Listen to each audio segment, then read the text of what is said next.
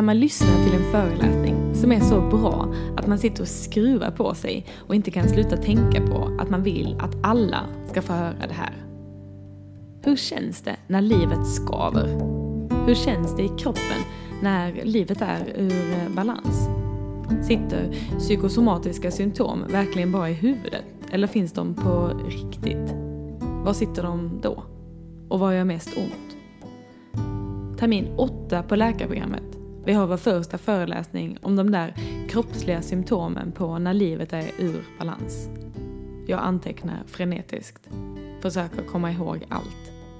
Minns att jag tänkte, det här är ju precis därför jag valt det här yrket. Och det här är ju yoga. Jag har fortfarande kvar den där föreläsningen och de där frågorna och de kloka citaten.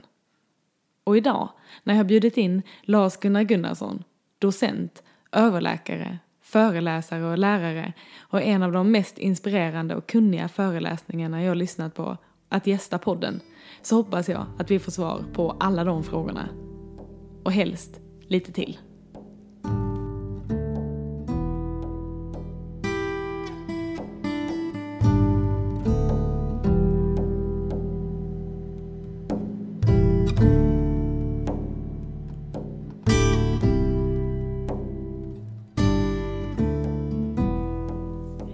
Hej Lars-Gunnar! Hej! Du är ju överläkare, docent i neurologi, du har en kandidatexamen i psykologi och eh, du har jobbat väldigt mycket med stress. Ja. Så det är väldigt roligt att få intervjua dig i den här podden idag. Spännande att få vara med. Ja, ett samtal som jag har sett fram väldigt mycket emot. För det här tycker jag är så himla intressant. Tack. Eh, du eh, pratar mycket om när livet skaver. Du har både jobbat med det och pratar om det och utbildar om det. Mm. Kan inte du berätta lite grann om det uttrycket? Eh, det är min dotter som jag som distriktsläkare som, eh, som gav mig det här begreppet. Hon säger att det är så många patienter som kommer på, på primärvårdsmottagningen och eh, de söker för många olika symptom, olika kroppsliga symptom. Men proverna är normala och men när de berättar om hur deras liv ser ut då förstår jag att det är livet som är jobbigt. Så det är så, mycket, så att de mäktar inte med det utan då, och då börjar kroppen säga ifrån och då får det kroppsliga symptom som man söker för. Samma sak eh, märkte jag när jag jobbade som neurolog och att eh, många patienter med neurologiska symptom eh, var eh, psykosomatiska, det vill säga att det var att eh, kroppsliga uttryck för att livet var jobbigt. Mm. Var sitter smärtan då? Det är inte bara smärta, men smärtan är diffus och den, den sitter, kan sitta i bröstkorgen men ofta är det lokaliserat till andra ställen där man kan ha en svag punkt som till ryggen. Eh, men det kan också vara domningar, trötthets, eh, trötthet och pirrningar, allt möjligt. Mm. I, i yogans filosofi, eller en yogisk syn på hälsa och sjukdom, så brukar man ibland säga att sjukdom har två olika orsaker. Den rent så här, mekaniska, sånt vi kan operera bort eller vi kan se det i våra celler och i våra gener. Men sen att det finns en stor, eh, stor orsak till sjukdom som har mer med stress och själen och mer emotioner och livet att göra. Mm. Skulle du hålla med om det? Definitivt. Och det finns eh, prevalensstudier på det här som är från Danmark där man har sett att bland nybesöken i vården så ungefär någonstans mellan 20 och 30 procent av patienterna har symptom som inte är orsakade av någon skada, organskada, vävnadsskada, utan det är att olika Eh, ja, det är de här diffusa symptomen som beror på att de mår inte bra, människorna. Mm. Hur behandlar man det? Eh, läkare, vi måste alltid ha, tänka i dubbla perspektiv. Differentialdiagnostiskt så måste jag alltid göra så jag får tänka, finns det någonting som är bakom? Finns det en inflammation, infektion, en tumör etc. eller en endokrinologisk sjukdom? Det måste vi alltid eh, leta efter. Sen måste vi alltid lyssna på anamnesen se hur ser livet ut och eh, Eh, när vi har gjort differentialdiagnostiken då så får vi eh, berätta för, för patienten och, och, förklara för dem varför de kan känna som de känner när de har den anamnesen med så mycket belastningsfaktorer. Familjen, jobbet, oron, bakgrund etc. Mm. Tror du att vi skulle vinna på om vi hade liksom kanske delat upp sjukvården mer och eh, liksom haft, eh, vad ska jag säga, två olika typer av eh, medicinska system. Um, ett där man eh, behandlar det här mer mekaniska och ett där man behandlar mer, som inte är psykiatrin tänker jag. De, definitivt inte. Ja, nej. För mm. att det är det här som varje läkare måste behärska, att hela tiden se på patienten med dubbla perspektiv och, och hela tiden växla mellan de här perspektiven så att jag alltid ser patienten med det psykosomatiska ögon och med de somatisk differentialdiagnostiska kompetensen som, jag som, som svenska läkare ska ha. Mm. som läkare ska ha. Tycker du att psykiatrin är rätt instans? Nej. Nej. De behandlar psykiatriska sjukdomar och det är en annan sak. Ehm, det här när livet skaver och ger depression, ångest, oro, värk. Det ska varje primärvårdsläkare kunna och de är ofta bättre på det än vad vi som är specialistläkare och jobbar inne på sjukhuset är. Mm. För det här med, om man pratar psykosomatik och Eh, det kan, jag kan uppleva att det ofta får en negativ klang eller att patienterna själva inte vill tro att det bara sitter i huvudet. Så hur kan man förklara det? Patienten har helt rätt i att det sitter inte i huvudet utan det här sitter i livet, i deras livssituation. Och där, för mig ska en, en, eh, den, att vara eh, mm, professionell läkare då, då, då, måste vi ha hela perspektivet och kunna, vi ska vara medicinska konsumentrådgivare. Vi ska lyssna på, på människan som sitter framför mig, nyfiket lyssna och sen får vi då vara vägledare, coacher också, så vi får lyssna in hela anamnesen. Så när differentialdiagnostiken är klar, den somatiska differentialdiagnostiken och den psykiatriska, då måste vi se vad finns det för belastningsfaktorer eller stressorer som man ofta kallar det för. Externa och interna. De interna det är eh, tidigare upplevelser, hur de, vad de har för bakgrund med sig, vad de har, ja, hur deras liv har sett ut sedan de var små barn. Mm. Tycker du att eh, det finns tid och möjlighet att göra det i alla vårdsituationer? Eh, det gör det inte, men eh, om det är eh, man vinner tid på att eh, först gör man en snabb screening och sedan så ser man så sätter man upp på ett, ett återbesök. Det sparar väldigt mycket tid för att det här är eh, frekvent sökande patienter med en väldigt brokig flora och det, det är bättre att man tar tag i det här och håller i det från primärvården. Eh, så att då vinner man väldigt mycket tid i längden. Mm. Och patienten blir nöjdare och blir hjälpt. Mm. Jag minns en föreläsning vi hade med dig på läkarprogrammet för många år sedan. När du eh, visade en studie där eh, man faktiskt visade på så här kärlekssmärta, hur den blev fysiskt och, nu skrattar du, och faktiskt satte sig i bröstkorgen eller över hjärtat. Mm. Eh, kan inte du berätta lite grann om den studien? Vad det var man såg och hur man kom fram till det? Det var man annonserade i i, veck, i dagspressen i New York för tror jag, fem år sedan ungefär ville ha 40 personer som hade ja, fått en bru, ofrivilligt bruten kärleksrelation det sista halvåret. Eh, och det fick man och sen de skulle också de skulle vara friska övrigt ha med sig ett kort på den partner som stack. Och eh, så eh, gjorde man en funktionell magnetkameraundersökning på dem och, och för, ja, det var det som man registrerade. Man satte på en metallplatta på deras arm och så ökade man temperaturen här till smärtgränsen utan att det blev vävnadsskada. Så såg man, registrerade man vad som hände i huvudet. Det gjorde ont, sa de mm. också. Mm. Eh, väntade man några timmar, sen gjorde man om samma, samma setup med MR, funktionella, funktionella MRIn. Men så fick de istället se på kortet av, den, av partnern och uppmanade tänk på din partner. Och eh, så såg man på resultaten. Och det visade sig att det blev exakt samma aktiveringar på exakt samma ställen i hjärnan utav den fysiska smärtan som utav den här eh, det man kallar för social reaktionssmärtan. Den fysiska smärtan den var gul och den låg, eh, mitt, eh, den låg i de här olika punktdelarna i hjärnan. Eh, sociala reaktionssmärtan den var röd och låg precis runt det här gula så att det primära är att vi har en, en eh, nociceptiv smärtre, smärtre, smärtperception i hjärnan och runt det lägger sig den sociala reaktionssmärtan. Upplevde hos patienterna var den, det, eh, av det lokaliserat, lokaliseras en smärta då vid, eh, eh vid den här metallplattan men eh, i upplevelsebiten i hjärnan var det centralt och lokalisationen av social reaktion mm. var i, i, diffust i bröstkorgen. Mm. Det är så intressant.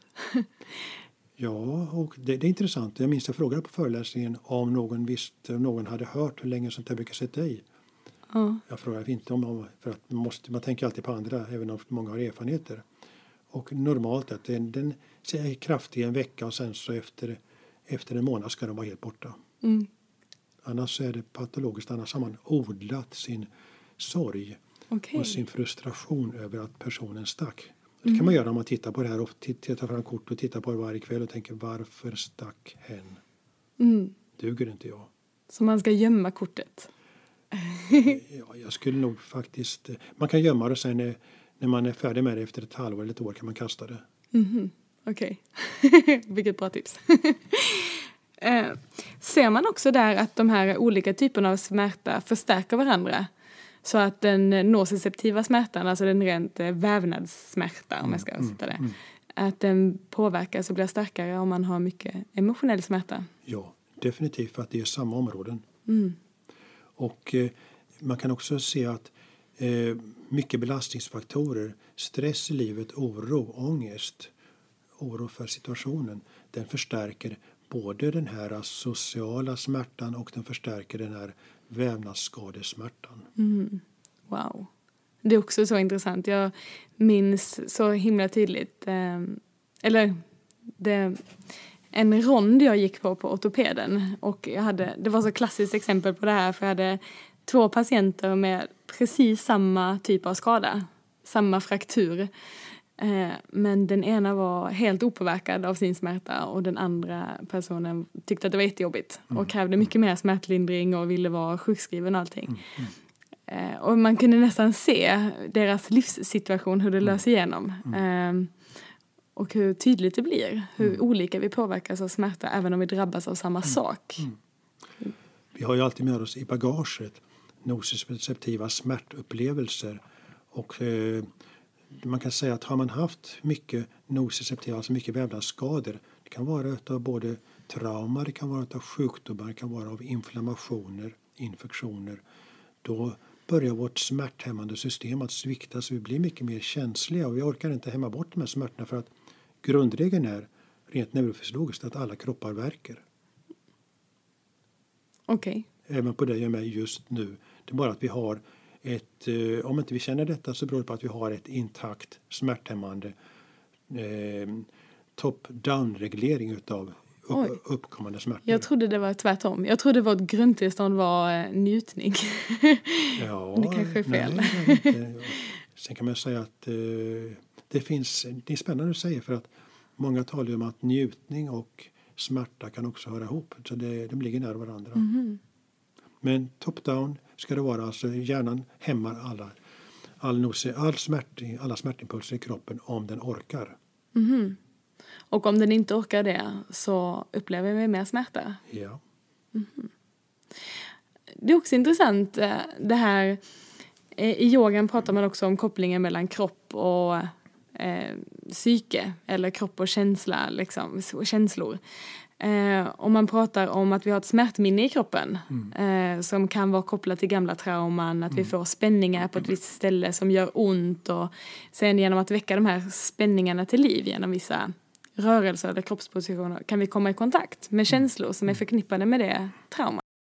Smärtminne och eh, att eh, komma i kontakt med de gamla känslorna, det är jätteviktigt. Så fungerar hjärnan att eh, vi får, det upparbetas sam, samband mellan det vi varit med om och, eh, och, eh, och, och, då, och då kan man genom att man då eh, om man i yogan eller på annat sätt gör rörelserna som då eh, som, gör, som ger samma, eh, som ger återuppväcker smärtminnet. Då kan man komma i kontakt med det som var tidigare. Mm. En annan behandling som är väldigt spännande det är den här NMDR. Mm. Då man eh, med ögonrörelser eh, det används ganska mycket också för att eh, med hjälp av ögonrörelserna kan även det hjälpa oss att komma i kontakt med minnen som annars inte är så medvetna och som mm. inte kan hantera. Mm. Och det kan vara ett sätt då att lösa upp de här Mm. lite omedvetna associationerna så vi får kontroll över det. Mm. Det kan vara ett bra eh, terapeutiskt verktyg. Mycket bra. Mm. Gud vad intressant. Lars-Gunnar, du har också forskat en hel del på stress. Hur skulle du... eh, Vad är stress? Stress det är det som eh, skiljer oss från döden. Okej, vill du utveckla det? Stress är kroppens sätt att hushålla med energin. Alltså, eller stressaktiveringen i kroppens sätt att hushålla med energin. Stressen det är ju det som är belastningsfaktorerna och vi ska alltid lägga den energinivå som belastningsfaktorerna kräver. Och eh, när jag sover då går stressnivåerna ner och kroppen återuppbygg, åter, återuppbyggs. Man eh, ja, eh, mm, bygger upp igen. Och när vi är aktiva, så när vi äter mat, eh, då får vi en, ett stresspåslag så vi kan ta hand om maten som är en yttre faktor som är en potentiell fara men också är helt nödvändig för oss. Mm. När vi, eh, eh, ja, hela dagen så varierar vår stressnivå, eller kroppen var, reglerar vår stressnivå utifrån de behov som är. Problemet är när vi inte ger tid för återhämtning mellan när vi varvar upp. Mm. Problemet är när vi, inte, när vi har en stressnivå som ligger på dygnet runt så vi inte kan sova. Mm. Vad händer då? Då får vi en kronisk, upp, upp, eh, eh, kronisk upp, det, uppreglering av stressaktiveringen och det får hälsokonsekvenser och psykiska konsekvenser. Ja, Jag sover sämre och kroppen får inte tid för att återhämta sig och eh, mm, bygga upp sig. Mm. Jag har hört att oxytocin eh, främjar den här återuppbyggnaden och kan också återställa de här kortisolreceptorerna eh, så att man blir mer motståndskraftig mot stress. Har du hört det? Ja, det, det är riktigt. Oxytocinet är ju det som vi får. Det är kan man säga där eh, emotion, den de positiva e-, emotionerna. Den frisätts ju av beröring och eh, ja, det är ganska intressant att vi har faktiskt eh, beröringsnerver som ligger i huden som aktiveras utav en rö- beröringsrörelse en centimeter per sekund, alltså en långsam beröring och då så det frisätts oxytocin. Men oxytocin frisätts också utav ögonkontakt. Mm. Så det är det första vi ger våra små bebisar när, vi, när de får ögonkontakt med oss, så mamman, då föräldern ser de ögonen, Mm. då frigörs oxytocin och det ger ett välbehag och en lugn och stressreducerande. Mm. Det är mycket forskning, men det är inte ditt forskningsområde riktigt. Nej, men jag inläst på det. Ja, det är så spännande. Ehm, vad är det mer som händer i kroppen och hjärnan när vi stressar? mer som händer? Ja, det vi, stressen, vi får en mobilisering av, av, eh, av energi, utav blodsocker. Det är väl det viktigaste. Eh, det andra är att vi får också en beredskap för att skydda våra celler. Så vi får också en inflammation. Och det här styrs utav, utav ett, eh, utav ett det är av, av, järnbar, av ett centrum uppe i hjärnbarken som kallas för gördelvindlingen. Det är den mm, ja, ganska okända, bortglömda delen av hjärnbarken som styr våra emotioner, våra känslor. Den sitter precis den sitter mellan hjärnhalvorna i djupet där Eh, och precis ovanför de här eh, hypotalamus, det är sådana här centra som, som styr våra, hormoner och som styr känslosystemet. Jag tror många eh, kopplar, eller i alla fall jag gör, är det här med stress och rädsla kopplat till amygdala. Ja, det är, eh, det är den lilla, eh, lilla strukturen som, utan, eh, det, som styr alltihopa. Men, eh, men amygdala är ju en kärna och den har ingen, inget medvetande, ingen förmåga utan den, eh, det är bara en, eh, en, ett effektorgan, mm -hmm. samordningscentral, men den styrs alltid från gördelvinningen. Där har du hjärnbarken och medvetandet hos dig och mig och alla andra sitter i vår hjärnbark. Det är där vi kan tänka, tolka och mm -hmm. uppleva. Mm -hmm. Och hur, vad händer i kroppen sen då? Kroppen får alltså både ökning utav utav kortisolet och det får ökning, det får en, en, eh, vi får också en inflammatorisk reaktion men den går, den går över eh, när vi varvar ner så går det typ över. Mm. Så eh, jag tror att du håller med om att all stress är inte negativ. All stress är helt nödvändig men det är när vi inte ger tid för återhämtning då blir det farligt. Eller snarare då blir det ohälsosamt och då mår vi dåligt. Mm. Så den stora frågan nu då? Hur främjar vi återhämtning? Mm, jättespännande att du frågar om det. Eh, jag tänker faktiskt på två saker. Den ena är, eh, ligger i vår programvara. Det är sömnen. Det är djupsömnen. För under djupsömnen så nybildas de här viktiga nervcellerna och eh, den, den nybildningen hämmas av stressen. Så att sömnen är jätteviktig för att då nybildas nervcellerna som gör att vi kan vara pigga och må bra och tänka, minnas och så vidare.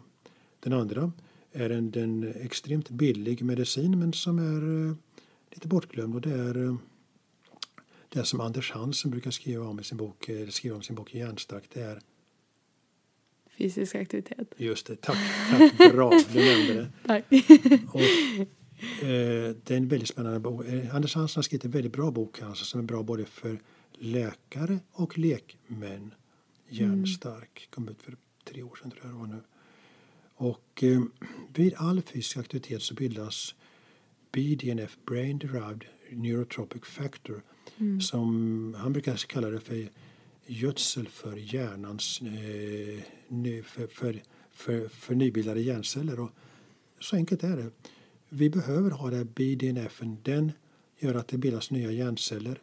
Den motverkar eh, stress, eh, negativ stress och den så det, det, det, är den vi behöver ha. Alltså för att för hjärnan ska fungera så måste den hela tiden uppdateras och vi behöver uppdatera hårdvaran och det gör vi med BDNF, alltså med fysisk aktivitet. Mm. Vad händer i hjärnan när vi får med BDNF? BDNF? Då får vi nya nervceller. Ungefär det kommer, normalt ska det bli i snitt en, en per minut dygnet runt. Eller en per minut, mer, och de bildas på natten men de, eh, de växer till på natten och bildas nu när vi har BDNF-påslaget. Utan dem så blir vi som zombies. Mm. Så det tillhör livet alltså. Att eh, för att skydda, för att hålla, det är vår hårdvara som hela tiden uppdateras, uppgraderas. Kan du berätta mer om hur vi blir när vi blir som zombies? Mm, det är ungefär som när man blir väckt klockan fem på morgonen och man eh, ber, blir ombedd att eh, göra en massa saker. Man är inte, eller klockan tre på natten och vill. Mm man har inte förmågan att eh, mer än väldigt kortvarigt lösa uppgifter. Man blir väldigt, väldigt, eh, man känner sig trött, utpumpad, utmattad, man har ingen energi. Mm. Och man är inte smart, man är väldigt osmart. Mm. Där får man att tänka på utmattning. Ja, det är det som det, det är det man kallar för utmattningssyndromet. Och det finns flera sådana tillstånd som man har. Den här utmattningen, utmattningssyndromet. Vi har också fibromyalgi, vi har det kroniska trötthetssyndromet, det är samma problem i hjärnan och vid alla tillstånd så är sömnen är väldigt dålig och reducerad. Mm. Tror du att vi skulle kunna hantera mer av det här med hjälp av fysisk aktivitet då?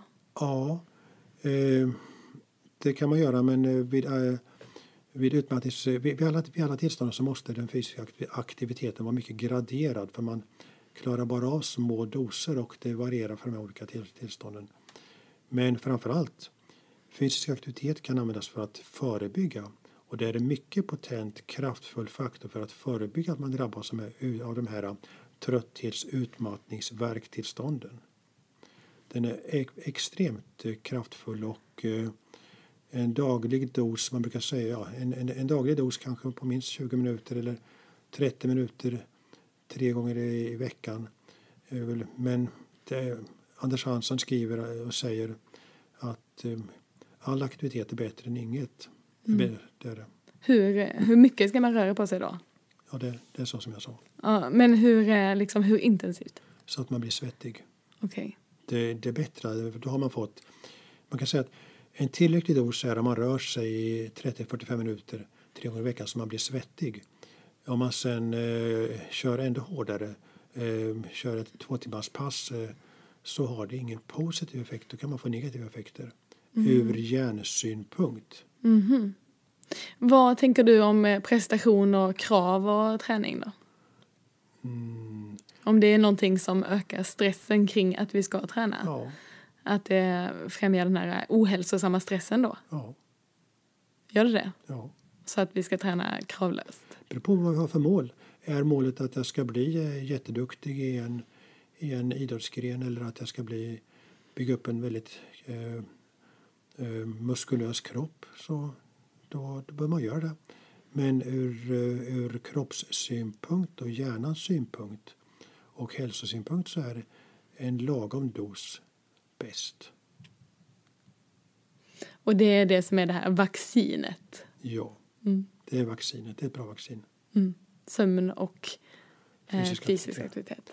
Och sen, sen kan man lägga till ytterligare en faktor och det är eh, lustfylld aktivitet som man får fascination utav. Då kan man lägga in naturen för att eh, det, flera studier talar för att eh, eller det, det är att det ger den bästa effekten om den här aktiviteten sker ute i en, i, eh, i en miljö som fascinerar.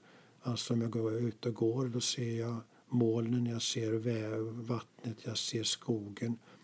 Eh, Men varje träd är olikt, varje löv är olikt men jag känner igen mig så det är inte främmande utan det men, sen, men eh, det, sen är det som tycker om att göra på gym och det är också jättebra. Så man, det viktigaste är att det ska vara lustfyllt men eh, ur rent perce, perceptionssynpunkt för hjärnan så är det nog det. Ja, men det är intressant. För jag läser i studier att vår grad av inflammation sjunker när vi går ut i naturen. Eh, Har det med fascinationen att göra eller är det olika mekanismer? Nej, det har med det att göra att den här, eh, den bästa, eh, eh, bästa eh, det, eh, underhållet av hjärnans hårdvara är att vi då utsätter den för en aktivitet som är trygg men ändå varierad och det är det som naturen ger. Det ger en fascination. Intressant. Om vi går tillbaka lite till det här med inflammation. Så finns det också ett samband mellan stress och inflammation. Mm, tyvärr. Det är de sista årens forskning som har visat är att eh, den här eh, att stressen ger både eh, eh kortis, den här fight flight som är via sympatiska, de autonoma nervsystemen och eh, det ger kortisol, eh, kortisolpåslaget men det ger också en inflammations eh, den skapar en inflammation i kroppen. Och inflammation det är också ett skydd. Den är till för att skydda cellerna. Så lika lite som stress är farligt är inflammation farligt utan det är bara att den ska bara anpassas till den nivå som behövs. För vad händer när inflammationssystemet är för aktivt? Då kan det ge, trötthet ger det framför allt. Mm. Och sen kan det, det ge att cellerna åldras snabbare för de får inte vila. Så då åldras vi fortare. Och jag läste också en till intressant studie. Eh, nu kommer jag på så mycket intressant här. eh, som är kopplat till det här med eh, trauma. Eh, som vi pratade om. Det var en studie i USA där man tittade på trauma i barndomen.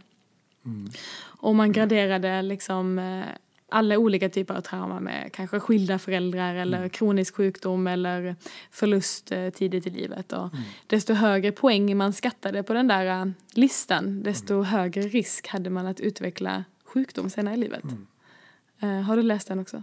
Jag har läst flera andra studier och det, det, det här är helt rätt. Och vi, vi vet att det är så här, men, men vad kan man tänka på då? Jag har jag en, eller personer som har haft de här negativa faktorerna i barndomen, eller som då inflammationsinducerande, stressinducerande faktorerna, då, den kroppen har en ökad beredskap, alltså en liten lätt ökning av inflammationsnivån. Och då är man mer sårbar för det senare i livet. Och har man det, då är det ändå viktigare att man då ser till att vaccinera sig med det här att gödsla systemet med BDNF, den fysiska aktiviteten. det är ändå viktigare att man tar bort andra eh, läskiga stressorer. Jag säger läskig ur kroppens synpunkt. Det, den läskigaste är då det som man får i sig via luften. Antingen eh, både luftföroreningar som man får utifrån men det är också det som man eh, själv väljer att röka till exempel. Mm. Tror du att eh, vi är mer stressade idag än vad vi var förut? Ja.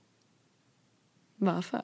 Vi ska ständigt vara uppkopplade och vi, vi har inte lärt oss att hantera den här möjligheten att vara uppkopplade utan vi, vi därför så vi tar inte de pauser som behöver för återhämtning. Mm. Och jag måste ju fråga det här eftersom att jag brinner för yoga. vad, vad tror du om yoga? Jag tror att det är jättebra. Och fram, framförallt när det görs kravlöst och blir lustfyllt. Mm. Men det är det som är, det är det det ska vara. ja, det tycker jag också. Jag har själv provat yoga och en jättebra lärare och eh, min kropp var ju inte gjord för de här rörelserna men det är jättebra son ändå. Och, men jag, eh, det jag har tagit med mig det är detta att jag kan eh, vara vet du det, medveten närvaro. Att jag då kan, när jag är eh, ute i naturen så, så brukar jag titta på saker som händer. Jag brukar ta in det utan att jag bara observera utan att reagera. Jag behöver inte ens reflektera, jag bara låter det ta in det. Och, eh, så att jag har blivit, haft mycket, fått mycket bättre förmåga att eh, varva ner och vara här och nu. Sen, mm. jag, sen jag gick den här yogaträningen under en termin. Mm. Så brukar jag också tänka med yogan att, att den förstärker effekten av allting annat. Mm. Sömnen blir bättre och den eh, fysiska aktiviteten blir kanske bättre om vi lär oss göra den kravlöst och mm. vi lär oss kanske njuta mer mm. av att eh, vara ute i naturen till exempel och de där andra stressorerna som tankar och sådär. Mm. Att vi lär oss hantera det bättre. Så för, och jag läste en, del, läste en bok också om yoga. Det, det, det, min fru och jag läste tillsammans och mediterade, reflekterade över kapitlen där och eh, det var en sån klok eh, författare skrev att ja, hitta den det sätt för dig som är bäst. Du kan vara eh, för dig kanske det inte är det, för dig kanske inte passar att sitta på ett golv och göra de här rörelserna. För dig kanske det passar att vara ute och gå, ut och cykla, och vara här och nu och bara mm. ta in, ta in mm. utan, att, utan att egentligen bry dig så mycket. Bara njut och vara tacksam. Mm. Exakt. Precis vad yoga ska vara. vad, eh, du är ju frisk och eh, så himla pigg och jobbar fortfarande. Vad gör du för att ta hand om dig själv? Mm, jag har gått ner i arbetstid. Jag har försöker och eh, Mm. Jag är snart 70 och då, då, har man ändå fått lite erfarenhet av vad som inte var bra i livet. Mm. Försöker att acceptera mig själv med de fel och brister som jag har. Mm. Och min fru accepterar mig också med de fel och brister jag har. Och mina barn samma. Mm.